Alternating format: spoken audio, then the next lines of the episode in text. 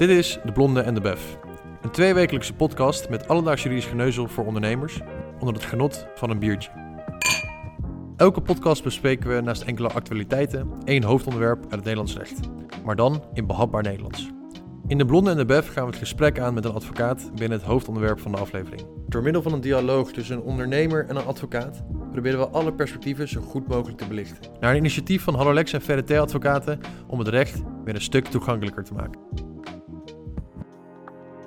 Hoi, vandaag dan eindelijk de derde aflevering van onze podcast over de arbeidsrelaties. Mijn naam is Zoe en ik ben van Hallolex en ik zit hier samen met Mindy Lodewijks, advocaat arbeidsrecht bij VDT Advocaten. Hoi hoi, dat is al even geleden. Daar zijn we weer. Gelukkig wel, gelukkig wel. Uh, ja, we zijn natuurlijk nog steeds bezig met de serie over arbeidsrelaties. Uh, en vandaag gaan we het dan, niet al te min, hebben over een aantal onderwerpen die vaak misgaan tijdens de arbeidsrelatie. Klinkt goed, zeker, want uh, er gaat nog wel eens wat mis tijdens de arbeidsrelatie. Dus laten we het daar maar snel eens over gaan hebben.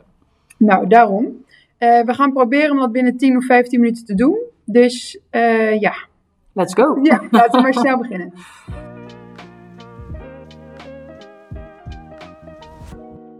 Um, ik ben heel erg benieuwd. Wat vind jij het allerbelangrijkste om mee te geven aan ondernemers wanneer het gaat over alles wat er tijdens de arbeidsrelatie wel eens mis kan gaan? Uh, het liefst in één woord. Het liefst in één woord. Ja, wat zou dat zijn? uh, nou, dan vraag je me wat om het even in één woord even samen te vatten. Um, het eerste wat bij me naar boven komt uh, is dan het woord dossier of dossiervorming. Okay. Uh, maar ook werknemersgeluk. Um, ook al is dat niet zozeer juridisch, maar uh, ja, ik bedoel, we vinden het allemaal fijn als we gelukkig zijn met wat we doen. En ik denk ook dat je daar als ondernemer zijnde uh, echt ja, ervoor kunt zorgen dat de werknemers voor de lange termijn gaan. Dus die, uh, het woord werknemersgeluk vind ik ook zeker belangrijk. Oké. Okay. Dus uh, inderdaad. Ik zou dan toch even voor twee woorden gaan voor ja, nu, als je dat, dat goed vindt. Oké, gelukkig. dat Uh, ik vind die werknemersgeluk inderdaad wel een hele mooie dat je dat zegt. Um, ik herken dat zelf ook best wel. Ik ben nu dan bij uh, Hallolex werkzaam en ik heb hier zelf eerst een jaar stage gedaan. Um, en dat vond ik eigenlijk zo leuk, daar werd ik zo gelukkig van. Um, nou ja, dat ik gewoon ben blijven plakken en nu dan ook hier werk. Dus werknemersgeluk is inderdaad een hele goede om mee te beginnen, deze aflevering.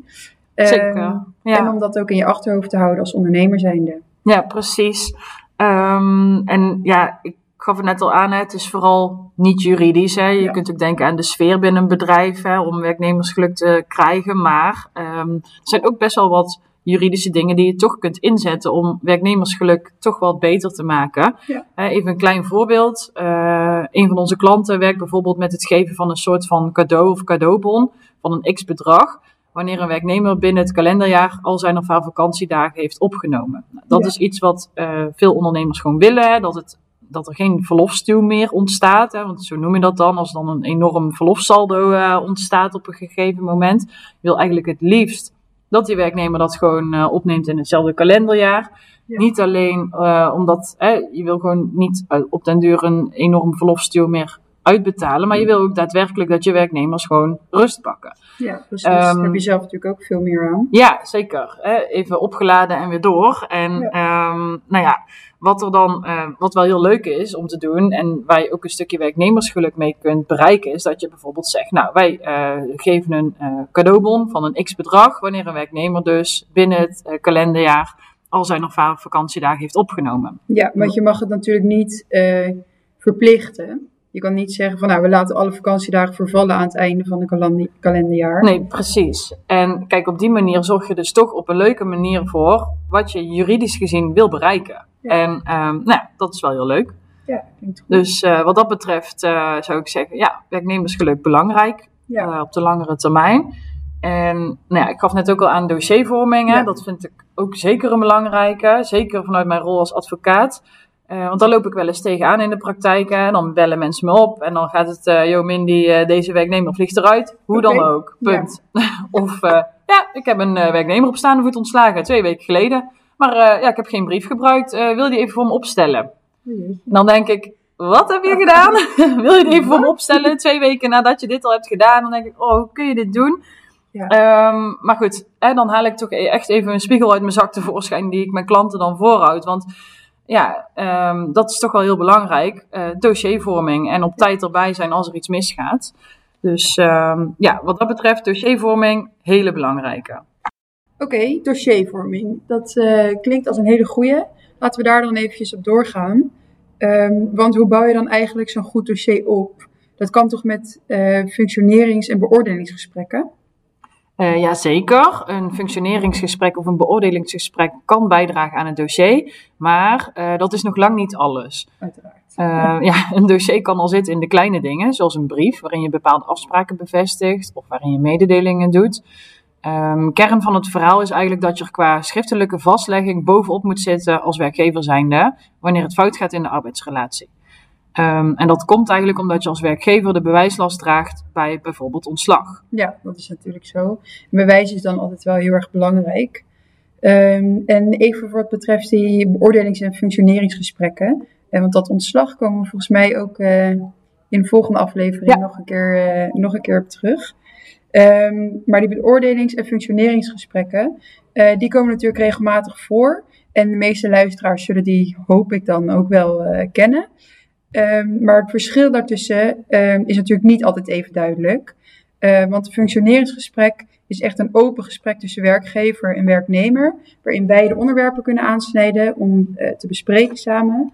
Uh, terwijl in een beoordelingsgesprek de werknemer beoordeeld wordt op zijn of haar werkprestaties. Dus dat is echt puur vanuit de werkgever, echt eenrichtingsverkeer, zeg maar.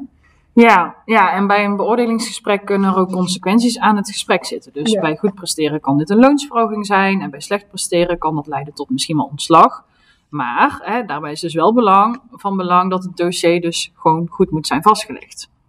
Ja, dat is natuurlijk ook een van de redenen dat het zo'n beoordelingsgesprek heel belangrijk is om te voeren zo af en toe. Eh, je kan het natuurlijk niet op het allerlaatste moment een keertje erin gooien. Ehm, dus je kunt maar beter op tijd zijn eh, en duidelijk aangeven dat je ontevreden bent over, eh, over bepaalde prestaties. Ja, dat klopt. En eh, dat wordt ook wel echt van een werkgever verwacht. Dat je duidelijk bent en zorgt voor een goede schriftelijke vastlegging in het dossier. Je moet ook een werknemer de kans geven om te verbeteren als je bijvoorbeeld vindt dat er sprake is van dysfunctioneren. Want anders zal een ontslag wegens dysfunctioneren simpel gezegd niet slagen. Ehm, en het enkel en alleen beoordelen met een onvoldoende tijdens een beoordelingsgesprek is dus ook nog niet genoeg. Uh, zelfs niet als je dat al een paar jaar achter elkaar uh, zou hebben gedaan. Er zijn echt hele specifieke wettelijke eisen waar je aan moet voldoen. En die Oké. moet je dus ook schriftelijk vastleggen. Um, het gaat er dan niet alleen om of je iets vastlegt, maar ook hoe je het schriftelijk vastlegt. Ja, dat klinkt natuurlijk logisch. Nou, je hoort het dus, werkgever. Zorg ervoor dat je er op tijd bij bent wanneer simpel gezegd dingen misgaan of als je gewoon ontevreden bent. Ja, inderdaad. En um, ik denk dat het ook wel belangrijk is. Je hebt nog een verschil tussen een keertje ontevreden zijn of uh, wanneer er echt sprake is van dysfunctioneren. Want dan is er dus wel echt iets aan de hand. Ja. Um, en daar gelden dus ook hele specifieke eisen voor. Oké. Okay. Het is goed dat je dat inderdaad eventjes uh, even benoemt nog. Uh, wat bij dat dysfunctioneren, heb je daar dan nog tips voor? Wat, wat een werkgever dan het beste kan doen? Uh, ja, zeker. Um, toevallig hebben wij daar uh, het afgelopen kwartaal nog een seminar over gehouden, over de dysfunctionerende werknemer. Okay. Um, het is kort gezegd heel belangrijk dat je ja, schriftelijk dingen gaat vastleggen. Dus een officieel verbetertraject gaat starten, dat je tussentijds evalueert, Okay. dat soort dingen allemaal.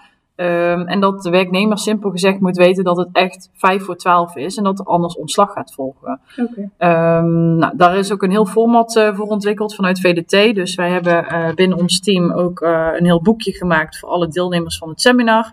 Um, en die kunnen dat lekker nog eens even doorbladeren. Mocht je daar nou niet bij zijn geweest, dan zou ik zeggen: mail me even of bel me even. Dan stuur ik het gewoon nog even naar je toe. Het is wel echt heel handig dat je, wanneer er sprake is van dysfunctioneren, gewoon een goede juridische basis hebt.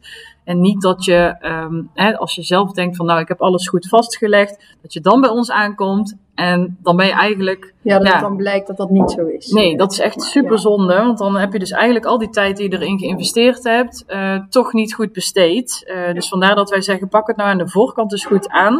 Um, en dan kunnen we daarna ook waarschijnlijk beter doorpakken, mochten we naar de rechter moeten stappen of Hè, ook, bij, eh, nodig zijn. ja, ook bij een onderhandeling over een vaststellingsovereenkomst kan het gewoon enorm helpen als jij gewoon een goed dossier hebt.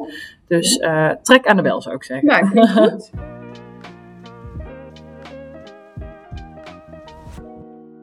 Een goed tweede onderwerp waar we tijdens deze aflevering even over moeten hebben is ziekte. Want ziekte en verzuim levert over het algemeen veel hoofdpijn op bij de werkgevers. Eh, tijdens de eerste twee jaar van de ziekte moet je namelijk loon doorbetalen. En er wordt vaak geen of veel minder werk verricht. Ehm, dus het is logisch dat dat hoofdpijndossiers kan opleveren. Dus Winnie, aan jou weer de vraag of je voorbeelden eh, hebt van discussies die in de praktijk voorkomen. Of dingen waarvan jij weet dat ze vaak misgaan bij ziekte. Eh jazeker, helaas. helaas wel. Ehm, dat begint al bij de ziekmelding zelf. We zien wel eens dat eh, werkgevers geen duidelijk verzuimprotocol hebben, bijvoorbeeld. En waar moet de werknemer zich ziek melden? Gaat dat via een telefoontje, per mail? Mag dit ook via een collega? En dat laatste heb je natuurlijk liever niet, want je wil gewoon contact eh, houden met de zieke werknemer. Ja, ja dat klopt. Ehm, en je hoort ook toch best wel vaak dat er eh, een bedrijfsarts wordt ingeschakeld. Jazeker, en dat is ook zeker belangrijk. Ehm, dit is ook een punt waar regelmatig nog wel eens een discussie over kan ontstaan. Ja. Eh, je ziet nog wel eens dat werkgevers denken of zeggen: ja, hè, eh, Pietje daar, die is niet ziek, die stelt zich aan. Ja. Of eh, ja, ik, merk, ik meld die werknemer helemaal niet ziek, want die is gewoon niet ziek. Ja. Punt. Maar dat is eigenlijk helemaal niet aan de werkgever om dat te bepalen. De werknemer meldt zich ziek en de bedrijfsarts die bepaalt vervolgens in hoeverre de werknemer wel of niet kan werken. Even kort gezegd. Ja, precies. Want die bedrijfsarts die helpt daarna natuurlijk ook weer bij eh reïntegratie. Dus hoe de werknemer weer terugkomt op de werkvloer. Dat natuurlijk ook heel erg belangrijk is. Jazeker. Ehm het advies van de bedrijfsarts is daarin ook in beginsel leidend. Dus eh, een huisarts kan wel iets zeggen van ja, hè, de werknemer is eh, bijvoorbeeld een werknemer met een burn-out, die kan absoluut niet meer de druk aan. Maar uiteindelijk, hè, als de bedrijfsarts iets anders zegt, dan mag je dus uitgaan wat de bedrijfsarts adviseert. Oké, dus het gaat best wel ver eigenlijk. Ehm, dus als een bedrijfsarts zegt van eh, de werknemer kan weer werken en de huisarts zegt van niet, dan, mag, dan moet je dus het advies van die bedrijfsarts volgen. Ja, precies. Oké. Eh, de werknemer heeft dan nog wel wat mogelijkheden. Denk dan bijvoorbeeld aan een second opinion of misschien wel een deskundig oordeel bij het UWV. Eh, maar je mag vooralsnog gewoon het advies van de bedrijfsarts volgen. En wat je dan ziet, is dat er nog wel eens eh, geschillen oplevert in de praktijk. Hè. Denk bijvoorbeeld aan een loonstop, als de werknemer niet in lijn wil handelen met het advies van de bedrijfsarts. Ehm, het is wel altijd slim om, voordat je zo'n loonsanctie instelt, als werkgever zijnde, even contact zoekt met een specialist op het gebied van het arbeidsrecht. Eh, niet dat ik nou zeg van kom maar hier met die opdrachten, maar ik, het is gewoon heel belangrijk dat je ehm, onterechte loonsancties, hè, als je dat onterecht doet, ehm, dan kan dat de arbeidsverhouding op scherp zetten. En dat kan er dan weer voor zorgen dat je bij een eventueel ontslag in een procedure, kort gezegd, veel meer moet betalen. En denk bijvoorbeeld aan een billijke vergoeding. Eh, en dat is echt heel zonde. Maar Ja. daar gaan we het de volgende keer nog over Ja, hebben. ja want zo'n loonsanctie, dat is ook best wel, eh, best wel heftig. Toch is best wel een heftige sanctie Zeker, om eh, ja. zomaar op te Ja, dat klopt. Op het moment dat de werknemer geen loon krijgt uitbetaald, ja, dan, dan krijgt hij dus ook echt helemaal niets. Dus ja, als werkgever zijn, dan moet je daar wel echt heel zorgvuldig mee omgaan. Oké, nou dat is dan wel duidelijk. Ehm, maar hoe zit het dan als je, gewoon, als je wel gewoon doorbetaalt tijdens die ziekte? Want ik kan me ook best wel voorstellen dat je als werkgever liever niet maandenlang loon aan het betalen bent zonder dat er werk verricht wordt. Nee, natuurlijk liever niet. Eh, maar goed, eh, dat is toch een verplichting. Eh, Ja. Er zijn ook allemaal regeltjes voor. Dat verbaast me nou helemaal niks. Nee. nou ja, wettelijk is eh, zeg maar geregeld dat je gedurende 104 weken van ziekte minimaal 70% van het loon moet doorbetalen. Oké, dat is best wel lang, 104 weken. Ja, dat eh, klopt. Eh, daarom ook dat ziekte best wel eh, de nodige hoofdpijn kan opleveren bij werkgevers. Los Ja. van het feit dat het natuurlijk vervelend is om mankrachten te moeten missen die je soms hard nodig hebt. In deze tijd waarin het al moeilijk is om aan eh, werknemers te komen, wil je ze natuurlijk het liefst gewoon eh, ja, in kunnen zetten. Voor wat betreft die loondoorbetalingsverplichting eh, van minimaal 70%. Hè. De wet zegt dus minimaal 70%, maar bij CAO kan ook meer zijn afgesproken. Dus dan moet je je daaraan houden. Of je kunt ook eh, meer afspreken in je arbeidsovereenkomst. Dus wat je vaak ziet is dat werkgevers ervoor kiezen om tijdens het eerste jaar nog wel 100% loon door te betalen, maar vanaf het tweede jaar toch wel echt naar die 70% te gaan. Ehm, dat is, ja, dat, dat, dat, dat, daar is geen vaste eh, richtlijn in. Je ziet dat dat gewoonte is, maar je mag er ook van afwijken. Dus sommige werkgevers kiezen er inmiddels voor om juist al eerder dan eh, die eerste 52 weken toch al naar de 70% te gaan. Oké, en waarom zou je dat dan precies doen op die manier? Ehm, nou ja, eh, het helpt natuurlijk om ziekteverzuim uh, net wat minder aantrekkelijk te maken. Want op het Ja. moment dat iemand eh, minder loon krijgt uitbetaald, is die stimulans om weer te gaan werken natuurlijk weer een stuk groter. Ja. Ehm, dus zodoende dat eh, sommige werkgevers daarvoor kiezen. Nou, helder. Ja, ik denk dat we nu wel de belangrijkste onderdelen een beetje besproken hebben. Eh, dus ik denk dat we hem eh, kunnen afsluiten. Oké, Het mooi. heeft, eh, het heeft even geduurd voordat we weer konden zitten samen, maar dan heb je ook wat. Zo is het, ja. Precies. Eh, nou, de volgende keer gaan we het einde van de arbeidsrelatie bespreken. We hebben het daar vandaag al heel eventjes over gehad eh, met die dossiervorming. Mhm. Dat is in feite dan weer de intro van de laatste aflevering van deze podcastserie, namelijk het einde van de arbeidsrelatie.